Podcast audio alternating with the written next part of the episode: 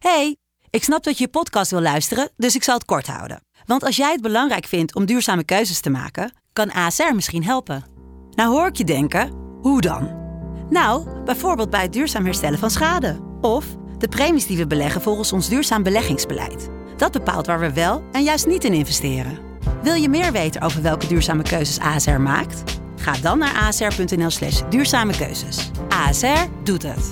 Zo, dan kan je nu lekker naar je podcast luisteren.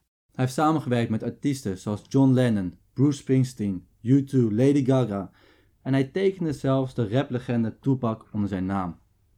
Misschien staat hij nog wel bekender om zijn koptelefoonmerk dat hij in 2008 samen met Dr. Dre is gestart, genaamd Beats.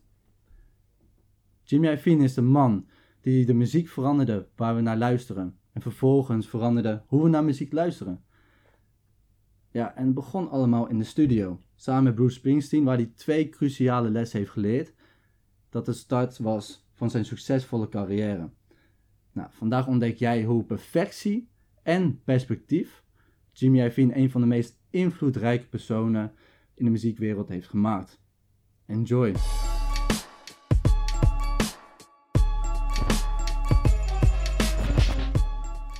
Welkom bij de vijftiende aflevering van de Lotgenoten podcast. Vandaag gaan we het hebben over idolen. En specifiek het idool Jimmy Iovine. Sommigen van jullie zullen hem kennen, anderen zullen vooral van zijn werk gehoord hebben. Maar ik weet zeker dat iedereen in contact gekomen is met het eh, werk of de muziek waar hij mee te maken heeft gehad. Jimmy Iovine is een eh, zoon van twee Italiaanse immigranten. Hij is geboren in 1953 in New York. En zijn vader werkte in de haven, was een harde werker. Zijn moeder was voornamelijk thuis om voor de kids te zorgen. En Jimmy was altijd al een beetje een ander kind. Eh, eigenlijk al vrij jong was, wist hij dat school en eh, regels helemaal niks voor hem waren. En hij besloot dan ook vrij jong om te stoppen met school. Nou, toen zei zijn moeder, dat is prima als je wil stoppen met school. Maar dan ga je aan het werk. Nou, dat deed hij. En hij kreeg baantjes en hij werd keer op keer ontslagen en naar huis gestuurd. Dus dat werkte eigenlijk voor geen meter. En toen in 1970 heeft Jimmy zijn eerste baantje aangeboden bij een opnamestudio genaamd The Record Plant. En bij The Record Plant werd Jimmy opnametechnicus. En wat ging hij dan doen? Nou, hij ging muziek maken. En het was ook daar dat hij het eerste contact kreeg met artiesten als John Lennon en Bruce Springsteen. En daar begon het eigenlijk allemaal. Hij werd een gigantisch succesvolle opnametechnicus. En daarna groeide hij door naar een enorm succesvolle platenbaas. Hij is de eigenaar van Interscope Records. Uh, het platenlabel dat onder andere Gwen Stefani heeft geschreven en ontdekt.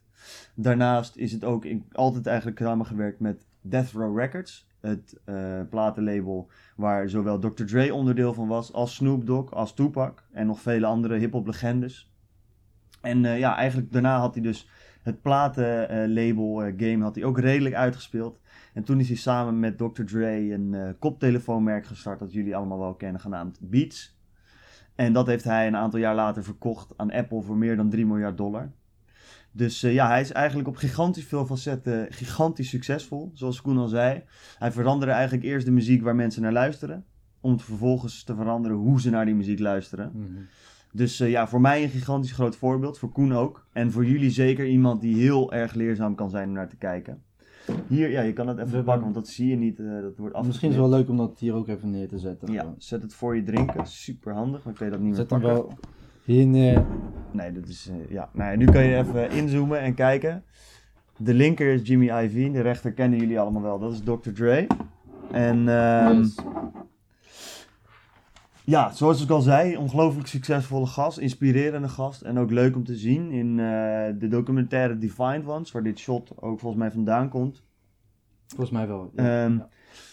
Kan je veel meer leren over hem, staat gewoon op Netflix. Dus ga dat vooral checken als je meer achtergrondinformatie wil. En wat we vandaag gaan doen, is we gaan dieper in op de eerste jaren van Jimmy, waarin hij eigenlijk het fundament heeft gelegd voor zijn grote succes. Hm. En heel specifiek zijn dat, is dat eigenlijk een van zijn eerste studiosessies met een grote artiest, met Bruce Springsteen. De grote Bruce Springsteen, die toen eigenlijk nog aan het begin van zijn carrière stond. En die ging aan de slag met zijn album Born to Run. Ja, Born to Run is een van zijn meest succesvolle albums geworden dat, uh, dat hij gemaakt heeft. En Jimmy mocht daarbij samenwerken, maar er waren momenten dat Jimmy echt zoiets had van: wat doe ik hier? Mhm. Mm -hmm. Ik wil hier weg. En wat is deze gast een vervelende vent? En dat kwam eigenlijk dus uh, allereerst door zijn enorme perfectie. En eh, dat kwam omdat Bruce Springsteen, die werkte zichzelf helemaal de pleuris in. Dus een jonge gast met een droom. En eh, op een gegeven moment waren ze bezig met een nummer. En voor dat nummer moesten ze een drumgeluid hebben. En dat drumgeluid, daar had hij een heel specifiek idee over. Toen zijn ze drie weken lang bezig geweest met het vinden van een drumgeluid. Ze gingen overal op tikken, op ramen, op eh, kleden, op verschillende drumstellen. Drie weken lang werd er continu overal op getikt. En elke keer als Bruce, Springsteen- Bruce Springsteen het hoorde, zei hij stick. En dat stond eigenlijk voor stick. Dat betekende dat het geluid nog niet was zoals hij het wou. Ja. En na, na drie weken was Jimmy er helemaal klaar mee. Die begreep niet waar deze onnodige perfectie dan ook maar goed voor was. Nee. En eh, in de documentaire hoor je van, eh, van Bruce Springsteen op een gegeven moment ook, die zegt... eh, er zijn momenten dat perfectie heel belangrijk is en je helemaal tot het kleinste niveau de perfectie in moet gaan. En er zijn momenten dat je gewoon door moet gaan. Nou, en dat is, Jimmy snapte dat toen nog niet zo goed. Jimmy had zoiets van laten we gewoon verder gaan. Maar ik denk dat daar eigenlijk het fundament is gelegd voor een gigantisch goede les. Mhm. Want hoe vaak is perfectie niet een probleem?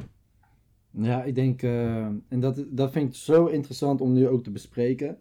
Eh, want wat wij nu gaan bespreken, inderdaad, en waar, dat heb jij eigenlijk eruit gefilterd, hè? En dat, dat zag ik in het begin nog niet eens, want ik heb documentaire heb ik nu wel echt een paar keer, en met een paar keer bedoel ik zes, zeven keer gekeken. Koen heeft al eh, zes, zeven keer een documentaire van volgens mij 4,5 uur gekeken. Maar dus- niet elke keer alles, maar wel gewoon de stukken, de leuke stukken. Helemaal het begin vind ik altijd wel interessant hoe dat precies Ja. werkt.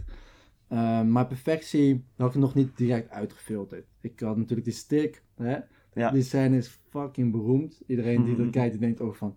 Oh mijn god, ik zou echt gewoon letterlijk weglopen daar. Gillend Als je drie weken lang gewoon alleen maar met je drum gewoon zoeken naar de juiste... Ja. Naar het juiste... Het moest goed aanvoelen. Het moest genoeg body hebben en genoeg de hoge. Het moest Ja. perfect zijn. Precies. Ehm, het, de fase daarna, ze hadden dus, eh, dat was een van hun beroemdste nummers ook geworden. Hè? Ik weet niet uit mijn hoofd welke dat was. Ik weet ook niet. Maar dat was wel een van, hun, eh, van de nummers die er echt bovenuit stak. Ja, en, gewoon, en sowieso dat hele album Born to Run werd gewoon een gigantisch succes. Ja, Volgens mij heeft dat zelfs Springsteen echt het succes ingeslingerd. Dat was echt zeg maar, het album dat hem... ja. En toen kwam eh, Tom Petty. Tom Petty. Ja, klopt. Ehm, weet jij wat meer over hem? En dan vertel ik meer in mijn verhaal. Ik, verder ken ik hem niet zo. Maar hij is ook een aardig beroemde artiest van vroeger dan, hè, voor, voor ons tijd. Eh, en met, hij heeft eigenlijk Jimmy Iovine letterlijk opgebeld van ik wil jou hebben. Want hij, was, hij vroeg zich af waar die, eh, waar, hij noemde het ook Sticks, toch? In de documentaire heeft hij Jimmy Iovine gekozen omdat de drum zo fucking goed was, de ritme erin en dat het geluid zo perfectionistisch was. Dat was de reden dat Jimmy Iovine vervolgens zijn volgende contract kreeg. Dat hij En hij werd dus naar gekozen... California ging en dat hij werd gekozen dus door zijn perfectie. Of door de perfectie dat werd toegepast in die studio sessies. Ja, en hij werd dus, voor de duidelijkheid, werd gekozen als technicus die zeg maar aan de draaitafel zit. Want je Ja. denkt natuurlijk, zeker mensen die niet zo heel veel met muziek hebben, van er wordt gewoon ingespeeld Ja, in een microfoon en dat knal je er gewoon uit. Ja, Maar dit, dit is heel veel draaien aan hoeveel hertz en verschillende sound effects en het zoeken naar de juiste geluiden. En er is eigenlijk op de achtergrond iemand die het nummer als het ware in elkaar zet. mhm. En zegt, dit moet hier wat meer, dit moet daar. En dat was waar, echt waar de kracht van Jimmy Iovine toen ter tijd lag. ja wat hij eigenlijk in de eh, eerste bij eh Record Plant, toch? Ja, de record plant. Wat die, hij, toen was de chief engineer, was daar Roy Cicala uit mijn hoofd. Ja, Of zo. de eigenaar. de eigenaar. En eh, daar heeft hij dus toen samengewerkt met John Lennon, heeft hij vier albums meegemaakt. En hij heeft met Bruce Springsteen twee albums gemaakt. Eh, daar heeft hij volgens mij twee tot vier jaar gezeten of zo. Dus heeft hij echt die basis gelegd. Ja. Dat waren zijn beginjaren, dat, zijn, eh, dat was gewoon zijn HBO-opleiding, bij wijze van spreken. Ja, Ehm, met alleen- John Lennon en Bruce Springsteen. Ja, fucking hell. Als ik dan naar mijn docenten krijg. nou, ook wel goed, maar Ook niet goed. zo goed. Ja, dat is een ander level natuurlijk. Hè? Ja. En er komt natuurlijk wel een beetje geluk bij kijken. Maar een, bijvoorbeeld, hij heeft wel een John Lennon. Die zei precies wat, eh, wat Jimmy Iovine moest doen. Zij leerde door, door zulke personen heen. Ja. Hij wist zelf niet wat, ze moest, wat hij moest doen. Nee, dat, dat zei Roy Cicala, zo heeft hij het hem geleerd. Ja, Roy Cicala zei inderdaad, leerde zijn engineers inderdaad door niet zelf aan de knoppen te draaien, maar achter je te gaan staan. En te zeggen, yo, draai daar wat aan. Hoor je dat verschil? Hoor je dat verschil? Nee, Ja. draai maar iets terug. Zodat je zeg maar die feedback van met je, met je oor gaat leren vinden. Ik kan het voor Precies. geen meter, maar... Nou, toevallig gisteren, eh, we hebben vorige week hadden we heel veel problemen met ons geluid. En ehm, misschien hoor je dat ook terug, hopelijk. eh, het volgens mij valt het wel mee. Volgens mij valt het wel mee, nou dat is mooi. Niet doorvertellen, dus. Niet door. Lekker ouwe Koen. Maar ja, oké. Ehm, gisteren ben ik ook nog een beetje bezig geweest met het geluid. En eh, toen ging ik zelf ook een beetje uitvogelen van oké, wat, wat, hoe werkt het nou precies? Hè? Dus je gaat aan elk knopje ga je draaien en dan ga je opschrijven, oké, hoor ik nou een verschil? Hoor ik wel een verschil? Hoor ik geen verschil? Zie ik een verschil op het scherm qua Ja. geluid? En het is best wel grappig om te zien van oké, waar ze bijvoorbeeld, ik keek ook nog een paar YouTube filmpjes erbij. En toen ehm, zei ze eigenlijk van ja, als je deze, aan deze knopjes draait, dan krijg je een veel diepere stem. En daarvoor draaide ik aan die knopjes en toen hoorde ik voor, me, voor mezelf niet echt een verschil. Ja, En toch zeggen zij, ja, er zit wel een verschil in. Je krijgt wel een diepere stem als je deze knopjes wat hoger zet en de hoge frequentie zet je ja wat lage lager. tonen wat hoger, Ja. de hoogtonen wat lager. En fucking simpel natuurlijk. En als ik het luister en als ik het zo zie en nu terugkijk, denk ik van ja, het is, het is geen rocket science of zo. Ehm, maar het zijn wel leuke dingen om inderdaad te leren. Maar dan is de vraag van ja, hoe perfectionistisch wil ik in het geluid worden? Ja, En misschien kun dat jij vind ik een leuk wel- concreet voorbeeld van. eh, want dat was eigenlijk ook waar ik nu wat dieper op in wil gaan Ja. voordat ik echt eh, Dat was gelijk mijn vraag. mijn jou, ontdekking. Wat was je vraag? Van of ik Van- dat ook heb? Nee, meer van ehm, hoe weet je waar je wel perfectie in moet stoppen? Bijvoorbeeld die stick. Ja. Of waar je geen perfectie in moet stoppen, zoals misschien het geluid op dit moment. Hè, van eh, hoeveel tijd moet ik erin gaan stoppen om het perfecte geluid te gaan vinden voor de podcast? Eh, hoe belangrijk is, kan zoiets zijn? Ja, dat is heel lastig te zeggen natuurlijk. Ja. Op het eerste gezicht. Mhm. Want eh, ja, kijk, wat hij ook zegt, soms moet je perfectionistisch zijn en soms niet.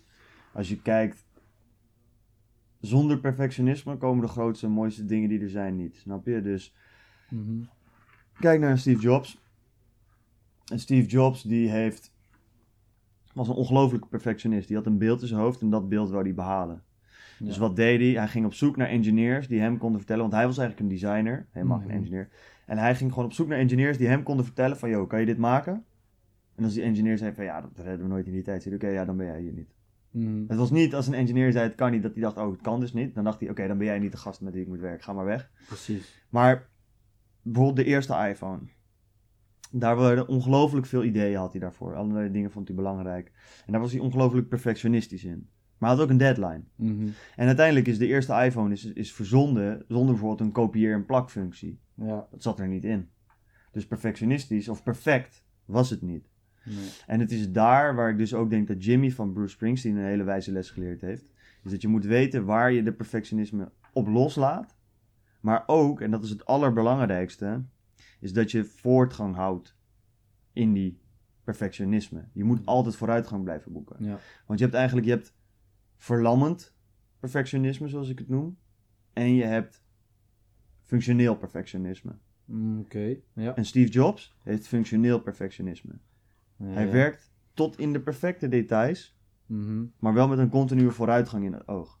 Ah, Oké. Maar waar je andere mensen hebt, waarschijnlijk mensen die hier naar luisteren, of, of die bijvoorbeeld een boekvoorstel willen schrijven, omdat ze een boek willen schrijven, of een bedrijfje willen starten, en die dan vier weken bezig zijn met het bedenken van een naam voor hun bedrijf. Want ja, het moet de perfecte naam zijn. Dan ben je dus op de verkeerde details aan het focussen. Mhm, mhm. En het is dat, die balans tussen zeg maar perfectionistisch helemaal doorgaan tot het laatste detail. Mhm, En momenten hebben, oké, zo lang ga ik over nadenken, nu ga ik door. Waar je een goede balans in moet vinden. Ja. Denk ik. Ja, ik, eh, natuurlijk, het is heel erg, hebt natuurlijk, het is niet zwart of wit. Je hebt natuurlijk een heel groot grijs gebied daarin, eh, om je daarop op aan te vullen. Ehm, wat was het? Je hebt ook heel veel mensen die heel veel tijd stoppen in hun logo. Nou, Ja. Ik zeg bijvoorbeeld voor Neurostudent eh was ik daar best wel snel klaar mee. Hè? En jij zegt van, nou, bijvoorbeeld eh, dat beeld dat jij hebt met, met het logo, dat is best wel simpel, dat zie je vaker. Ja, Ehm, dus dan zou je nog kunnen zeggen van oké, daar kun je nog een keertje aan werken. Maar de andere kant, als ik als ik nog één Ja. moment mag, ehm, ben ik ook een paar, meerdere keren een persoon tegengekomen, niet in real life, maar via een video, ja, die gewoon een succesvolle miljoenenbedrijf heeft opgericht. En die zegt letterlijk van, luister, ik heb gewoon bijna geen één seconde besteed aan mijn logo. Nee, eens. De reden dat ik jouw logo niet top vond, is niet omdat ik het logo zelf niet top vond. Omdat het een heel bekend beeld, be- zeg maar een heel bekend merkbeeldje is. Ah, oké. Snap je? Dus het is het is herkenbaar al heel vaak gezien van iets anders. Ah, oké. Waardoor het goedkoop gekopieerd lijkt. Mm, ja. Snap je? Mhm. Dat is, en dat is trouwens ook alleen mijn visie. Maar wat je zegt klopt 100%. Mhm. Weet je, dat urenlang bezig zijn. Ik moet even denken. ja, ik moet even goed denken hoe ik dit ga verwoorden. Denk, denk, denk. Jimmy Neutron. Oké, komt ie. Luisteraars, zijn jullie er klaar voor? Hier komt er weer een. Heel vaak als mensen een bedrijfje willen beginnen, gaan ze bijvoorbeeld heel lang nadenken over de merknaam of het logootje.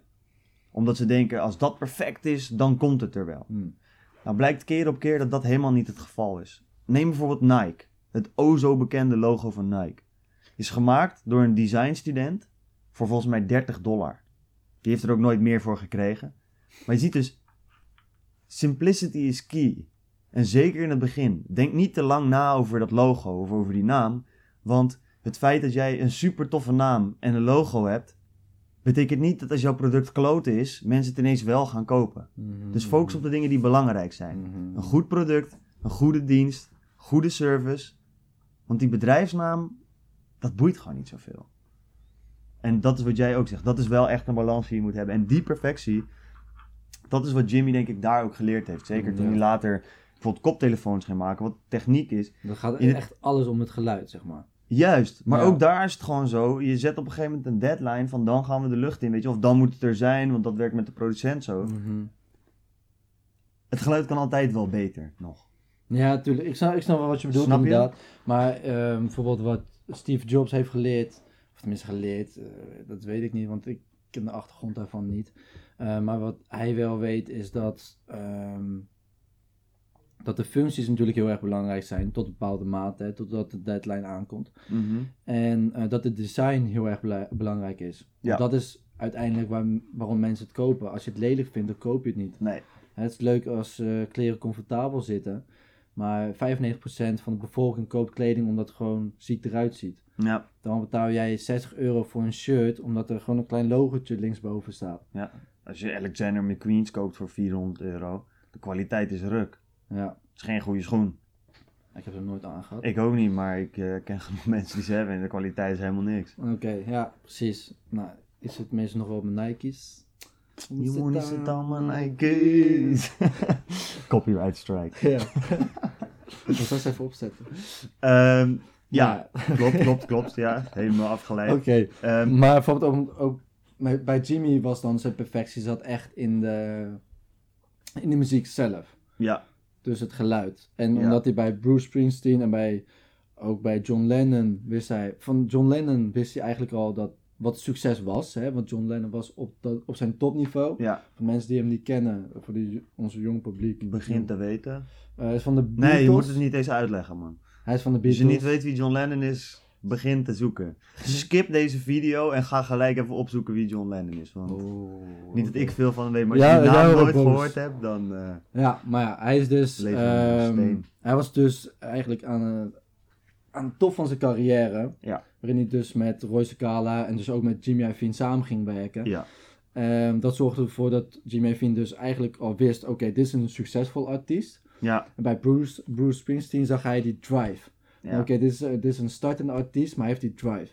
ja, En hij heeft continu, eh, was hij op zoek naar, naar zulke talenten in zijn carrière. En elke keer als hij dat zag, paste hij gewoon hetzelfde toe wat Bruce Springsteen bij hem heeft toegepast.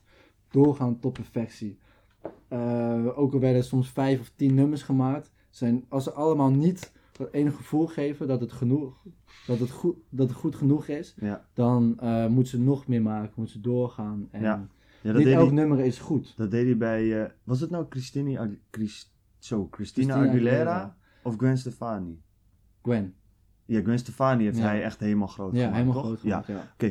Want daar zei hij ook tegen, dat vond ik wel grappig, dat zie je in die documentaire ook, van eh, jij hebt talent. Hij zag haar ergens optreden zo, toen zei hij, jij hebt talent, oké.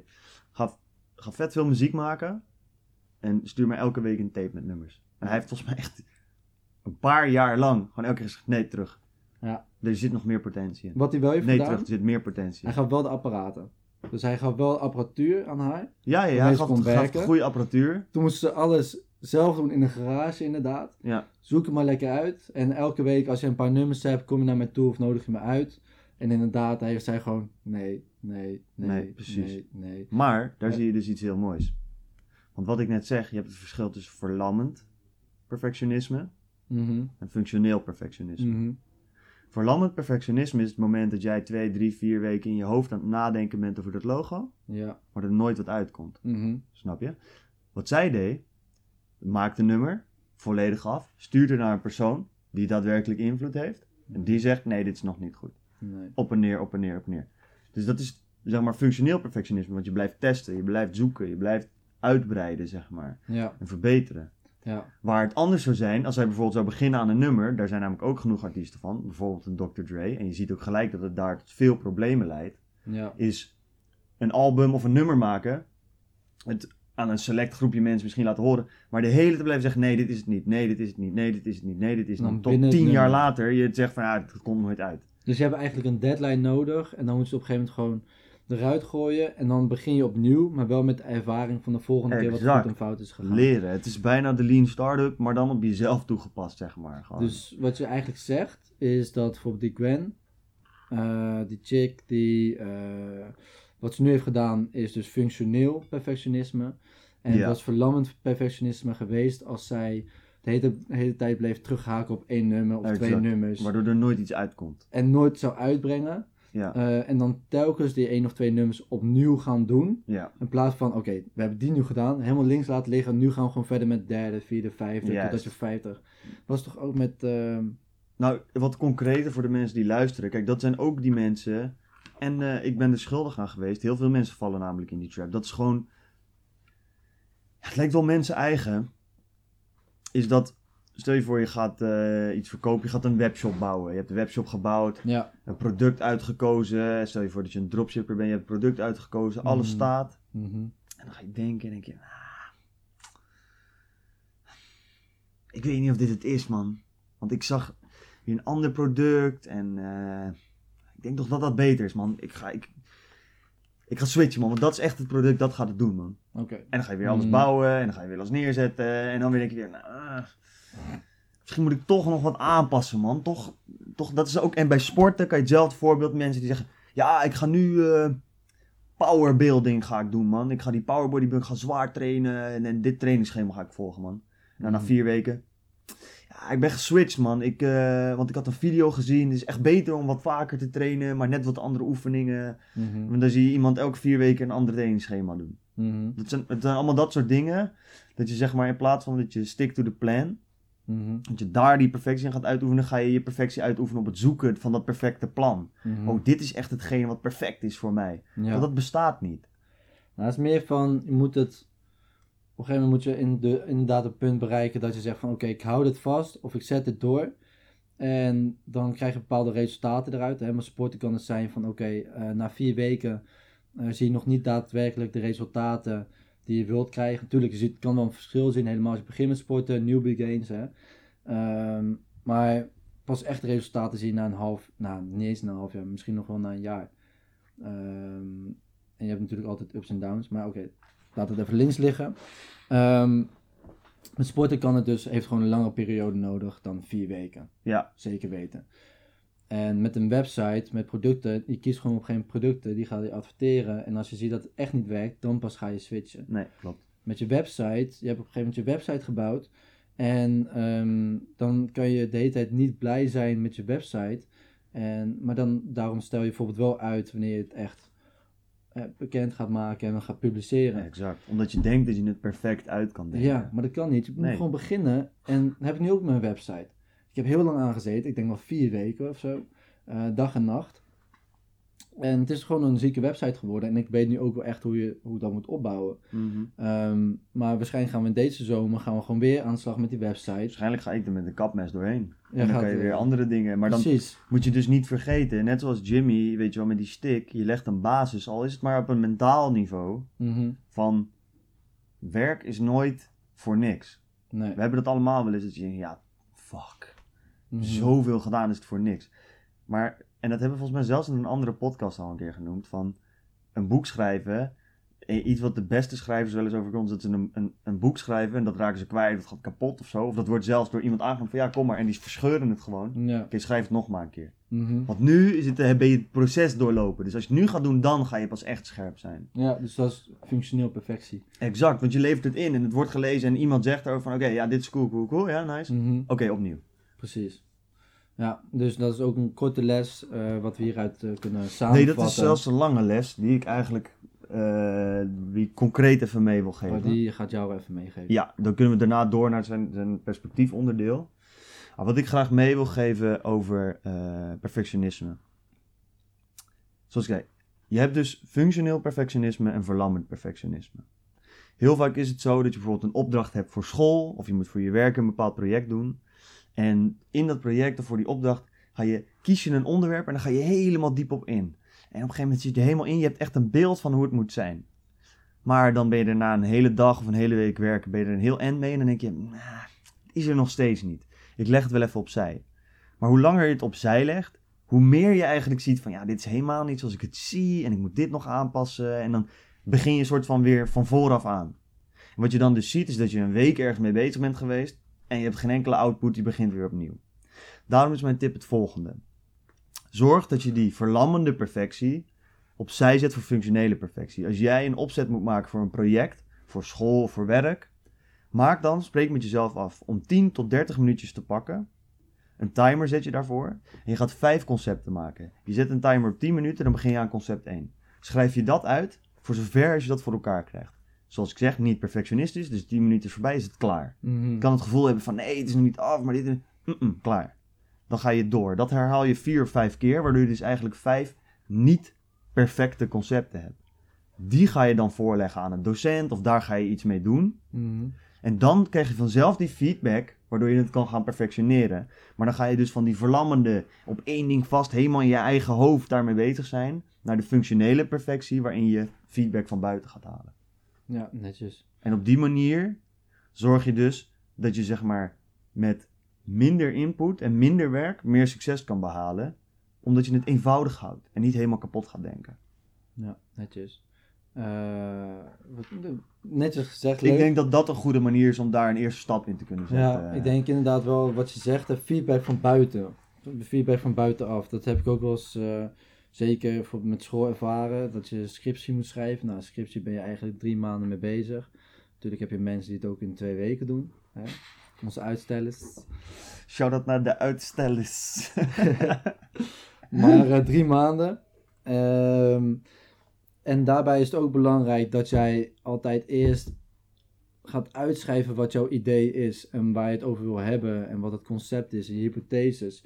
En dat, je dat, dat in het begin moet je veel vaker feedback vragen van een andere persoon. ja, Totdat het op een gegeven moment concreet is van oké, dit is mijn plan, dit is het probleem, hier ga ik aan werken. ja. En eh, dan ga je echt onderzoek doen in mijn geval. Ehm, en dan zie je op in dat mijn moment. geval gelukkig niet. Nee, maar je ziet wel op dat moment Trouwens ook.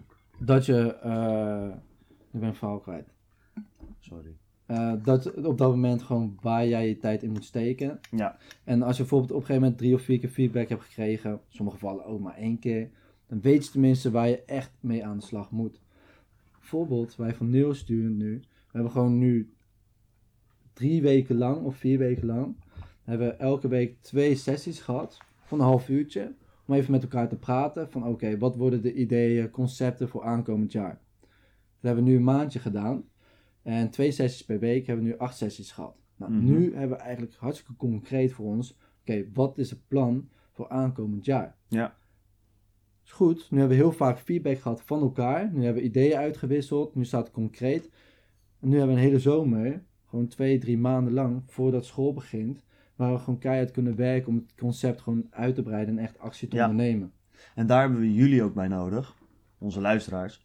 Waarschijnlijk zijn er een hoop van jullie mensen die studeren of. Ga je lekker? Of die studeren of voor werk bijvoorbeeld nog moeten leren en dingen bij willen leren. Want ik denk dat je altijd moet blijven studeren. Ja. En Neurostudent gaat nu waarschijnlijk een online platform worden. Waarbij het voor jou mogelijk is om optimaal te leren studeren en presteren. Ja. Niet alleen studeren, maar ook focussen, snel lezen. Eigenlijk alles om te zorgen dat jij teksten en video's ideaal tot je kan nemen en het beste eruit kan halen. Nou willen we beginnen met een kleine pilot voor waarschijnlijk ongeveer 5 tot 10, 15 euro per maand. Mhm. Je krijgt dan alle tools die wij gemaakt hebben. Dit is allereerst vier jaar studieervaring, vijf jaar studieervaring van Koen. Op Mhm. het gebied van life sciences en veel eh, nadruk op het brein. Ja. Dus daar zitten veel neu- neurowetenschappen bij. Koen is daar helemaal ingedoken. Daarnaast hebben we eh, een eh, docent van Koen, Neurobioloog. een neurobioloog, die ook Ja. daarbij geholpen heeft. Dus het is allemaal wetenschappelijk onderbouwd. En we hebben dat allemaal samengevoegd in een prachtig pakket met verschillende onderdelen over hoe focus je nou goed, hoe plan je goed, hoe zorg je dat je goed snel kan lezen, nou, al die onderdelen. Mhm. Het wordt allemaal behandeld in die cursus. Eh, dus als je daar interesse in hebt, stuur ons een berichtje, laat het weten. Want dan kunnen we jou helpen om eh, niet nog een keer die 2000 euro studieschuld eh te verhogen. Nee. En gewoon het optimale uit jezelf te halen. Dus dat is een dingetje. En dan gaan wij, wat ik hier net zeg, eh, in plaats van verlammende perfectie, zelf helemaal uitdenken. eh, hoe zit het allemaal in elkaar? Moet de video perfect? Ja. Krijgen jullie de kans om met ons mee te groeien eh, daarin? Ja, en het mooie daaraan, daaraan is inderdaad wat je ook zegt. Hè? Je vraagt om feedback. Dus wij hebben feedback van jullie nodig om te kijken van oké, waar willen we dus aan gaan werken. Ja. Dat zei je net eigenlijk al. En eh, dat kan dus ook zijn als je zelfs eraan meedoet en je zegt van nee, ik wil eh, leren snel leren, ik wil mijn uitstelgedrag wil ik gewoon helemaal weg hebben. Ja. Ik wil mezelf kunnen motiveren. Nou, dat zijn de eerste stappen. En vervolgens kan je ook zeggen van nou, maar ik zoek nog, ja, ik kan het moeilijk bedenken, maar ik, ik heb nog bepaalde problemen waar, waar ik tegenaan loop. Of ik zoek daar nog wat verdiepende informatie in. Of ik heb daar nog extra uitleg over nodig. En dat kan je dan teruggeven aan ons. En dan gaan wij eraan werken om het vervolgens weer aan jou terug te kunnen geven. Koen gaat het doen. Koen is de expert op dit gebied. Ik ben meer van de marketing, zaken, business bouwen, dat soort dingen. Dus eh, als je daar vragen over hebt, precies. hit me up. Als je over neurowetenschappen en dat soort dingen vragen hebt, hit that fool up. Want dat ben ik niet. Ja. Maar jij, jij bent echt een creatieve, creatieve brein een beetje erachter. Ja, dat ik is hartstikke mooi. Ja. De vormgeven man. Dus dat is... eh, Ja, vormgeving doe ik veel, dat soort dingen. Ja. Marketing, eh, ja. Want het is ook spontaan. I just do what I do. Ja. Nou, Ehm, Oké. samengevat eigenlijk hè? Ja, verder, wat is ook nog leuk? Eh, ik wil graag verder ook nog even ingaan op wat jij eh, eh, bij de bigger picture vind jij belangrijk, toch? Nou, dat vind ik wel... Dus ik zeg het echt fucking stupid. Nee, zoals ik al zei, we hebben het nu gehad over perfectie. Wat een van de dingen was die een fundament was voor de omgang met perfectie. Is een van de fundamenten voor Jimmy, Jimmy Iovine. mhm. Daarnaast, eigenlijk in diezelfde sessie met Bruce Springsteen, was er ook een ander onderdeel. Ja, Namelijk, namelijk dat ehm, Jimmy Iovine heeft regelmatig gehad, in het begin wat jij ook zei, ja, dat hij gewoon wou stoppen met werk. Ja. Hij heeft letterlijk gehad met die eh stick-sessies, dat hij op een gegeven moment ging opstaan na die twee weken.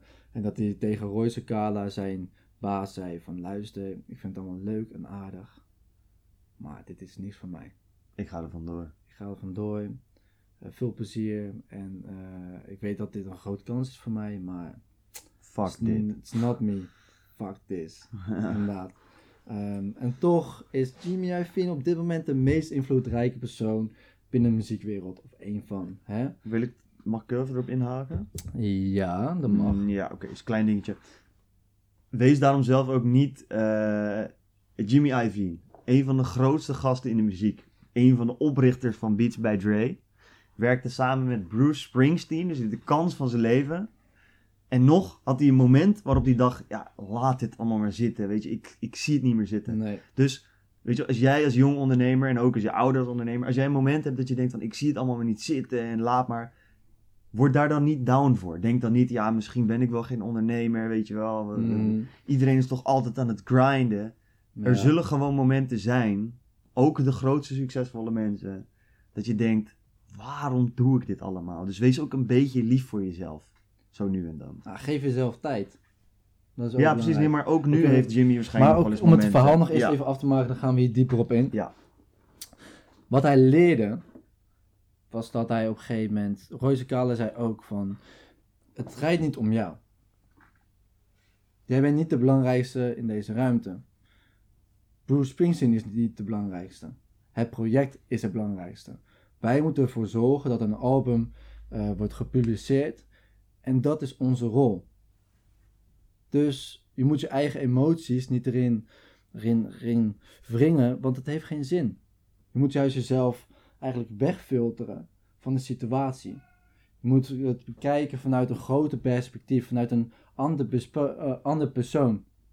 Bekijken het vanuit de persoon die naar de muziek gaat luisteren. Wat wil zo'n persoon horen? Ja. En werk daar naartoe tot imperfectie. Oeh. Oeh.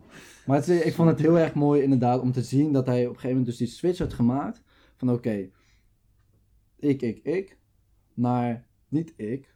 Nee, wij. Het Ja. project. Het is wel mooi dat ik eh, studeer natuurlijk innovatie. Ik heb net een toets gehad. Toen moesten we allerlei wetenschappelijke artikelen doorspitten over innovatie en leiderschap bij innovatie. Want dat is ongelooflijk belangrijk, zeker in grote bedrijven. En daar wordt ook zoiets onderschreven. Ja. Dat noemen ze dienend leiderschap. Mhm. En dat is eigenlijk, lijkt de beste manier zijn, te zijn om, om bedrijven en, en management te doen.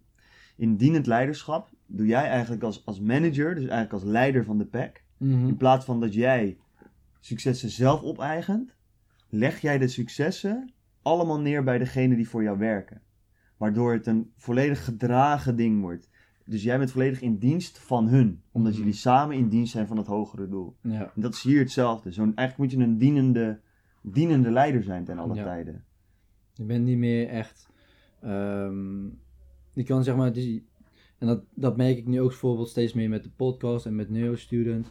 eh van, het is niet zo dat ik eh, nu werk voor mezelf. Nee, ik wil gewoon zorgen dat het bedrijf succesvol wordt. Ik wil gewoon dat de podcast, dat mensen serieus ehm, ehm, wekelijks naar ons luisteren. Omdat ze zelf ook ondernemer zijn en die krachten uit kunnen halen. Ja, Tenminste, dat vind ik het meest vet. En ik denk, als je dat in gedachten houdt, dat grote perspectief in beeld houdt, dan vind ik het... Daarom vond ik het gisteren... Kijk, ik had gisteren moest ik werken op straat voor... eh, dat klinkt trouwens heel leuk. hij is een hoertje. hij verkoopt zijn kont. Ja, jij kwam bij de deuren langs. Ja, ik kom langs. Ik ben een escort, duur en zo. Ik word gebeld, oh, ik kom naar je toe. Jij loopt hier gewoon Europalaan langs. Zo. Nee, dat was geen Europlaan, Stationsplein. Dus eh fuck ja, als je mij wil zien, kom naar, kom naar langs. maar ehm, nee, maar ik had dus de hele dag moest ik al werken, bijvoorbeeld voor, eh, om te verkopen. Ja, Nou, zoals je wel weet is het een best wel intensieve, zijn het intensieve uurtjes. ja, Ehm, mentaal soms uitdagend. mentaal soms uitdagend. Ehm, maar toch wist ik van tevoren, oké, vanavond moet ik sowieso het geluid gaan fixen. Ja. Dat moet gewoon gebeuren. For you peoples. For you people.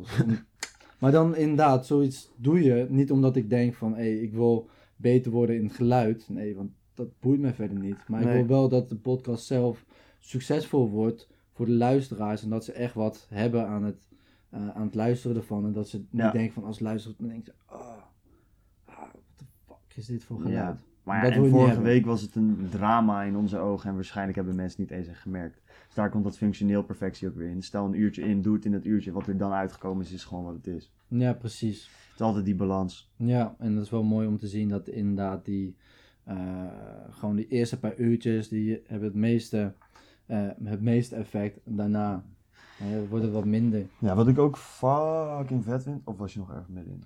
Nee, ik denk, ik denk dat je nu, want ik weet ook wel dat jij wat meer weet over de tw- 80-20 regel. Oh nee, dat was niet waar ik naartoe wilde. Nee? Nou, Nee. dat is wel leuk dan, een leuke tip aan de luisteraar. Dat is misschien ook wel de onderscheiding van eh, de functionele en verlamde eh, perfectie.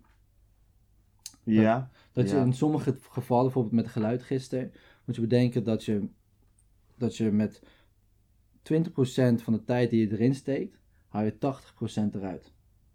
Ja, Wordt dus ook wel de 80-20 regel genoemd. ja. Maar zo'n regel kan je bij, op bijna alles toepassen. mhm. En die overige 80% van je tijd zorgt voor slechts, van, slechts 20% van de, van de resultaten. Ja. Ehm, gisteren heb ik bijvoorbeeld gekeken naar het geluid. En ik ging eerst kijken naar de belangrijkste knopjes. Bijvoorbeeld de gain en de main mix. En daarna naar de EQ. Omdat ik weet dat dat het belangrijkste is. Daarnaast kan ik ook nog gaan kijken in de programma's. En naar de kleine details. En nog allemaal YouTube filmpjes gaan opzoeken. Hoe ik dat helemaal kan perfectioneren. Maar dat gaat 80% van mijn tijd kosten. Terwijl ik daar maar die kleine 20% van eruit haal. Ja. Dus is dat in dit geval nodig? ja, nee. Nee. Oké, dus als je dat... Mag ik het scherp maken voor, voor Mag de scherp die het luisteren? ja. Zodat het dus... Kijk. heel vaak is het zo dat je in een project heb je een bepaald einddoel ervan. En dat einddoel is 100% van het project. Maar wat heel vaak blijkt, is dat er bijvoorbeeld bij een schoolopdracht of iets voor werk of je onderneming een bepaalde 20% is van de input die je levert, die 80% van de output veroorzaakt. Ja. Heel simpel gezegd, stel je voor dat je een kledinglijn maakt, dan zijn er waarschijnlijk twee of drie producten die het grootste deel van je sales veroorzaken. Mhm. En dit blijkt, dat heet het Pareto-principe, 80-20-principe. Dat bleek uiteindelijk dat het op heel veel dingen van toepassing is. Mhm. En dat is dus ook op toepassing van de meeste dingen die jij doet. Dus ga nou eens in plaats van dat je tot die 100% gaat werken, op 80% stoppen. Om te zeggen, ik heb nu 80% gedaan, ik durf op mezelf te vertrouwen dat die 80% het meest waardevol is. En in plaats van dan nog je uren te gaan verpesten aan iets, weet je wel, voor die extra 20%, Mhm. die eigenlijk niet zo belangrijk is, pak nou die uren en ga nog eens een ander project doen waar je die 20% ook behaalt. En dan heb je dus twee projecten die misschien niet 100% behalen van wat je wil, maar 80%. Maar je hebt er wel 20% van je tijd in gestopt. Waardoor je straks misschien wel vijf keer zoveel kan doen. Ga nou hoeveel meer output je dan krijgt, dan als je dat ene perfecte hebt gemaakt. Want ik heb slecht nieuws voor je. Wat jij perfect vindt, no one cares. Vaak is de kern in de eerste 20% al geregeld en de rest is gewoon poespas. Nou, dat was wel concreet. Volgens mij even lang als ik het had verteld. Maar het Ja. maakt niet uit. Ik denk dat wel dat je het inderdaad wat logischer hebt uitgelegd. Ja. Hè? Ehm, dat is mooi om ook te zien hoe jij het inderdaad vertelt met input en output. Ja. Dat is mooi gezegd. Ehm, Ook wel een warrig verhaal met getalletjes trouwens, maar... ja, daarom ik, ik legde het laatst ook aan een eh, collega van mij uit. En toen was het ook zo van, oké, oké. Maar waar kan je het nou precies op toepassen? Ja, denk je dat het nog vaag is voor mensen? Nou ja, het is meer van, het is, ik kan het op, het is, ik kan het op bijna alles toepassen. En bijna ja, maar alles. hoe doe je dat? Meer van hoe doe je het? Ehm, Oké, een Hoe boek. doe je dat nou? Pak een boek. Pak een willekeurig boekje. Boek. Eh, Oké, ik ben hier ook weer helemaal veel te lang mee bezig. Boeien. Oké, nou, het boek van Focus van Mark Tichelaar, fucking leuk. Ik heb het trouwens gekregen van hem toen ik langs ging. Ehm, hier heb je een boek en die heeft, ehm, oké, even kijken hoeveel bladzijden heeft het. Het heeft ongeveer 200 bladzijden.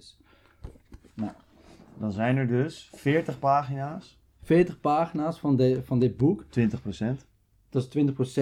Daar hou jij 80% van de meeste waardevolle informatie uit. Wat doe je dan 40 liever? bladzijdes. Wat doe je dan liever? Dat vind ik een mooi voorbeeld. Wat doe je dan liever? Pak jij dan liever... Ik moet even zorgen dat het niet omvalt. Al deze boeken. En ga je op zoek in elk boek naar die 20%. Mhm. In dezelfde tijd, dus dan heb je van al die boeken 80% van alle info. Oh ja. Dan heb je van al deze boeken 80% van de info. ja. Of lees je liever dit hele boek uit. En dan heb jij slechts... Of, ja, of dan heb je 100%. En dan heb je misschien 100%, maar van die 100% is 80%, zeg maar, is 80% die je in die 20% al gelezen had, Mhm. is echt waardevol. Dus die overige 80% die jij gelezen hebt, superleuk, heeft Ja. maar voor 20% extra output gezorgd. En dan moet je inderdaad de keuze maken van lees je het voor je lol, omdat je het gewoon leuk vindt, of lees je het omdat je eh, heel veel informatie uit wilt halen in zo'n kort mogelijke tijd. En dan wordt het leuk, want dan kan je met die 80-20 regel kan je ook nog eens bijvoorbeeld snellezen toepassen. En dan ga je helemaal Hier kunnen we als een raket, man. een leuk clipje van maken. Zullen we dat eens even doen? Hoezo? Nou, hier kun je een mooi verhaal bij halen. Kijk. Wat doe je liever? Lees je liever alleen dit boek en heb je hier de kennis uit? Of lees je liever in dezelfde tijd al deze boeken en heb je hier alle kennis uit? Volgens het 80-20 principe zou jij, als je 20% van dit boek gelezen hebt en je kiest goed, 80% van de informatie uit hebben. 20% betekent dat jij nog 80% over hebt van al je input. Als jij die 80% nou ook elke keer op al die andere boeken toepast, dan heb je 20% op elk boek van je tijd geïnvesteerd, maar 80% uit elk boek qua output gehaald. Nou, ik kies er zelf dan liever voor om vijf boeken aan kennis te hebben dan één boek aan kennis. Maar dat is natuurlijk volledig aan jou. Nou, binnen een minuut volgens mij. Ik denk het ook. Mensen die dit kijken denken nu ook, waarom zou je dit zo nog vertellen? Dit doen we om eh, ook op korte video's op social media te kunnen delen. Ja. En soms is het best wel lastig om dat in één keer goed te zeggen. Dus misschien heb je nu iets dubbel gehoord, maar ik denk dat het ook nog wat duidelijker maakt. Ja, ik denk dat het concreter maakt. Die moeten wij ook nog wat scherper in worden. Want nu hebben we het volgens mij drie keer verteld. En dat kan misschien, weet ik niet, trouwens ook leuk voor de feedback. Ehm, is dit nou, wordt dit dan te langdradig om erover te hebben? Of denk je op een gegeven moment wel van, nou, ik weet het wel. Ik denk dat het verschilt tussen mensen. Maar dan gaan we nu gewoon lekker door, We gaan naar, lekker door. naar het punt dat jij echt wil maken over perspectief. Waarom? Ehm, perspectief, ja, het is natuurlijk. ehm, ehm, het is natuurlijk mooi. We hebben natuurlijk een klein beetje nu gehad over perspectief. En daarna zijn we een beetje afgedwaald naar perfectie. Ja. Weer terug eigenlijk, hè? Ja, Terug bij je af. En zoals we bij Jimmy Iovine hebben gezien, is perspectief speelt een hele grote rol om het grote geheel te zien. En heeft een manier eigenlijk gewonnen om door te kunnen zetten op momenten dat het eigenlijk heel erg tegen zat. Ja. Waarin je emoties eigenlijk zegt van, je luister, kap er nou mee man. Ga lekker, voor ons ook, weet je, het is, mensen, je kan de zomervakantie vieren. ja, En wij zeggen gewoon liever van, nou, wij zitten liever gewoon ons kantoor, gewoon wat, gewoon wer- wat werk te verrichten. We hebben natuurlijk hebben we vakantie, Ehm, maar we vinden het leuker om nu echt het werk te kunnen verrichten, zodat we Ja, straks weer en een voorsprong erop hebben. Soms heb je er ook geen zin in. nee. Maar, Maar dan ja. denk je wel aan het grote geheel dat je later wel eerder succesvol kan zijn, of meer producten kan verkopen, of meer Impact mensen die we kunnen maken op jullie die luisteren, weet je. Zijn we weer. We waren even weg, de camera was even uitgevallen, maar... eh, we We're back. back. dus we waren bij de big picture. Ja, Hoe zorg je ervoor dat jij een breder perspectief krijgt van de situatie? Nou, allereerst moet je gewoon zorgen ehm, dat jij weet wat je wilt gaan leren. Dat is het allereerste stap. Je moet weten waar je naartoe wil gaan. Ten tweede moet je kijken naar bijvoorbeeld mentoren. Die kan je vinden in je vader, in een ondernemer, in een schrijver. Nou, vervolgens kijk je, luister en lees je alles wat er over die persoon te vinden is. Als je dat hebt gedaan, dan moet je gaan noteren hoe zo'n persoon de wereld bekijkt. Vergelijk dat met jouw beeld van de wereld. Het verschil hiertussen, dat is jouw groeifase. Als je deze stappen volgt, ga je merken dat op het moment dat jij geen motivatie meer hebt om datgene te leren, dat jij jezelf wel kan doorzetten omdat je weet hoe een succesvol persoon wel dat doel heeft bereikt. ja, clear, denk ik. Best wel logisch, toch? Ja. Ja, gewoon een goede manier om dat eh, te doen. Ga gewoon iemand zoeken en dat hoeft niet per se een persoon te zijn. Kan Nee. ook gewoon eh, online een soort van eh, persoon naar wie je opkijkt. Of weet Ja. je, documentaires over mensen, zoals bijvoorbeeld over Jimmy. Mhm. Daar hebben wij al deze dingen ook uitgehaald. Documentaire en interviews met hem.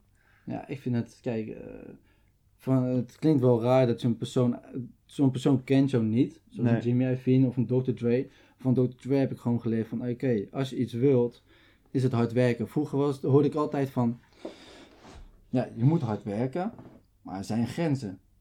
Mhm. Oké, maar dan komt Dr. Dre en hij zegt gewoon van, ja, ik werk gewoon constant. Gewoon keihard. Je moet gewoon altijd, moet je, moet je het in je mind houden om, ehm, om zo'n album bijvoorbeeld uit te kunnen brengen. Hè, elk ideetje, je staat in een club, je hoort opeens iemand zeggen, iets zeggen ehm, met een paar woorden. Ik weet even niet meer wat het, uit, wat het was uit de documentaire. Iemand zei een zin Ja? en hij zei van, fuck, dat is een goede zin. Dus hij pakt die zin, hij gaat naar de studio en ze nemen het op. En dat is een van de nummers dat ook gewoon echt fucking wereldwijd bekend is geworden. Wauw. Jimmy Iovine had hetzelfde. Hij had geen educatie, had geen skills. Nee. Hij moest een spons zijn voor alle informatie dat hij uit de omgeving opkreeg.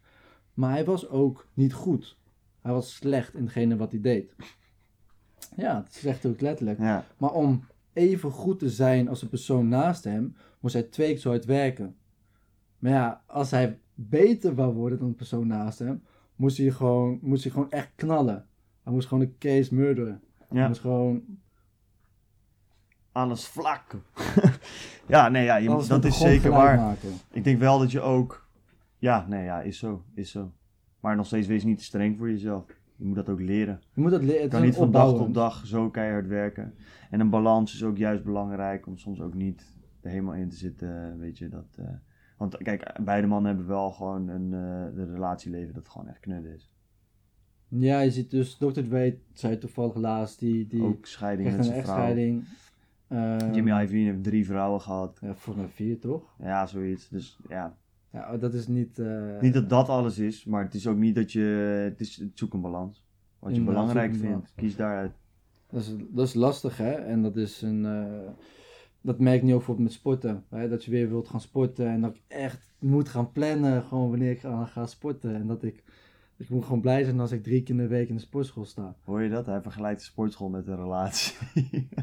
Het gaat gewoon uitplannen van shit man. Kun je wel stoer doen. Ik word niet gelijk boos. Kan je wel stoer doen?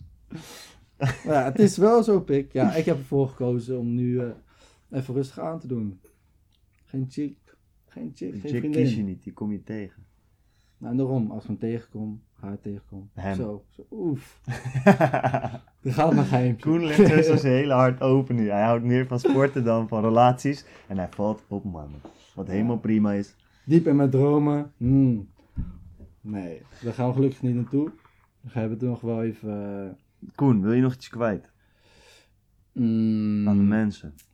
Ik heb nog wel diep in mijn hart nog een paar dingen die ik wil zeggen. Oké, vertel. Nee. zijn allemaal al eh, een en al oors. Een en oors, ja, dat is heel eh, pijnlijke, pijnlijke dagen. Ik zit wel met mezelf. Oké, nou Koen heeft niks meer te vertellen volgens mij. Nee, oké. Koen ik is heb nog wel, als ik, als ik het zo bekijk, is het wel van, oké, wat, wat heb ik nog echt van Jimmy meegekregen en Dr. Dre uit Ja. de documentaire is van, als je dus eenmaal weet wat je wil gaan doen, ook al weet je het niet voor 100%, maar voor 80%, ga er wel gewoon fully voor. Ja. Doe niet iets op 50 of 60 procent, maar steek echt wel je tijd en energie erin.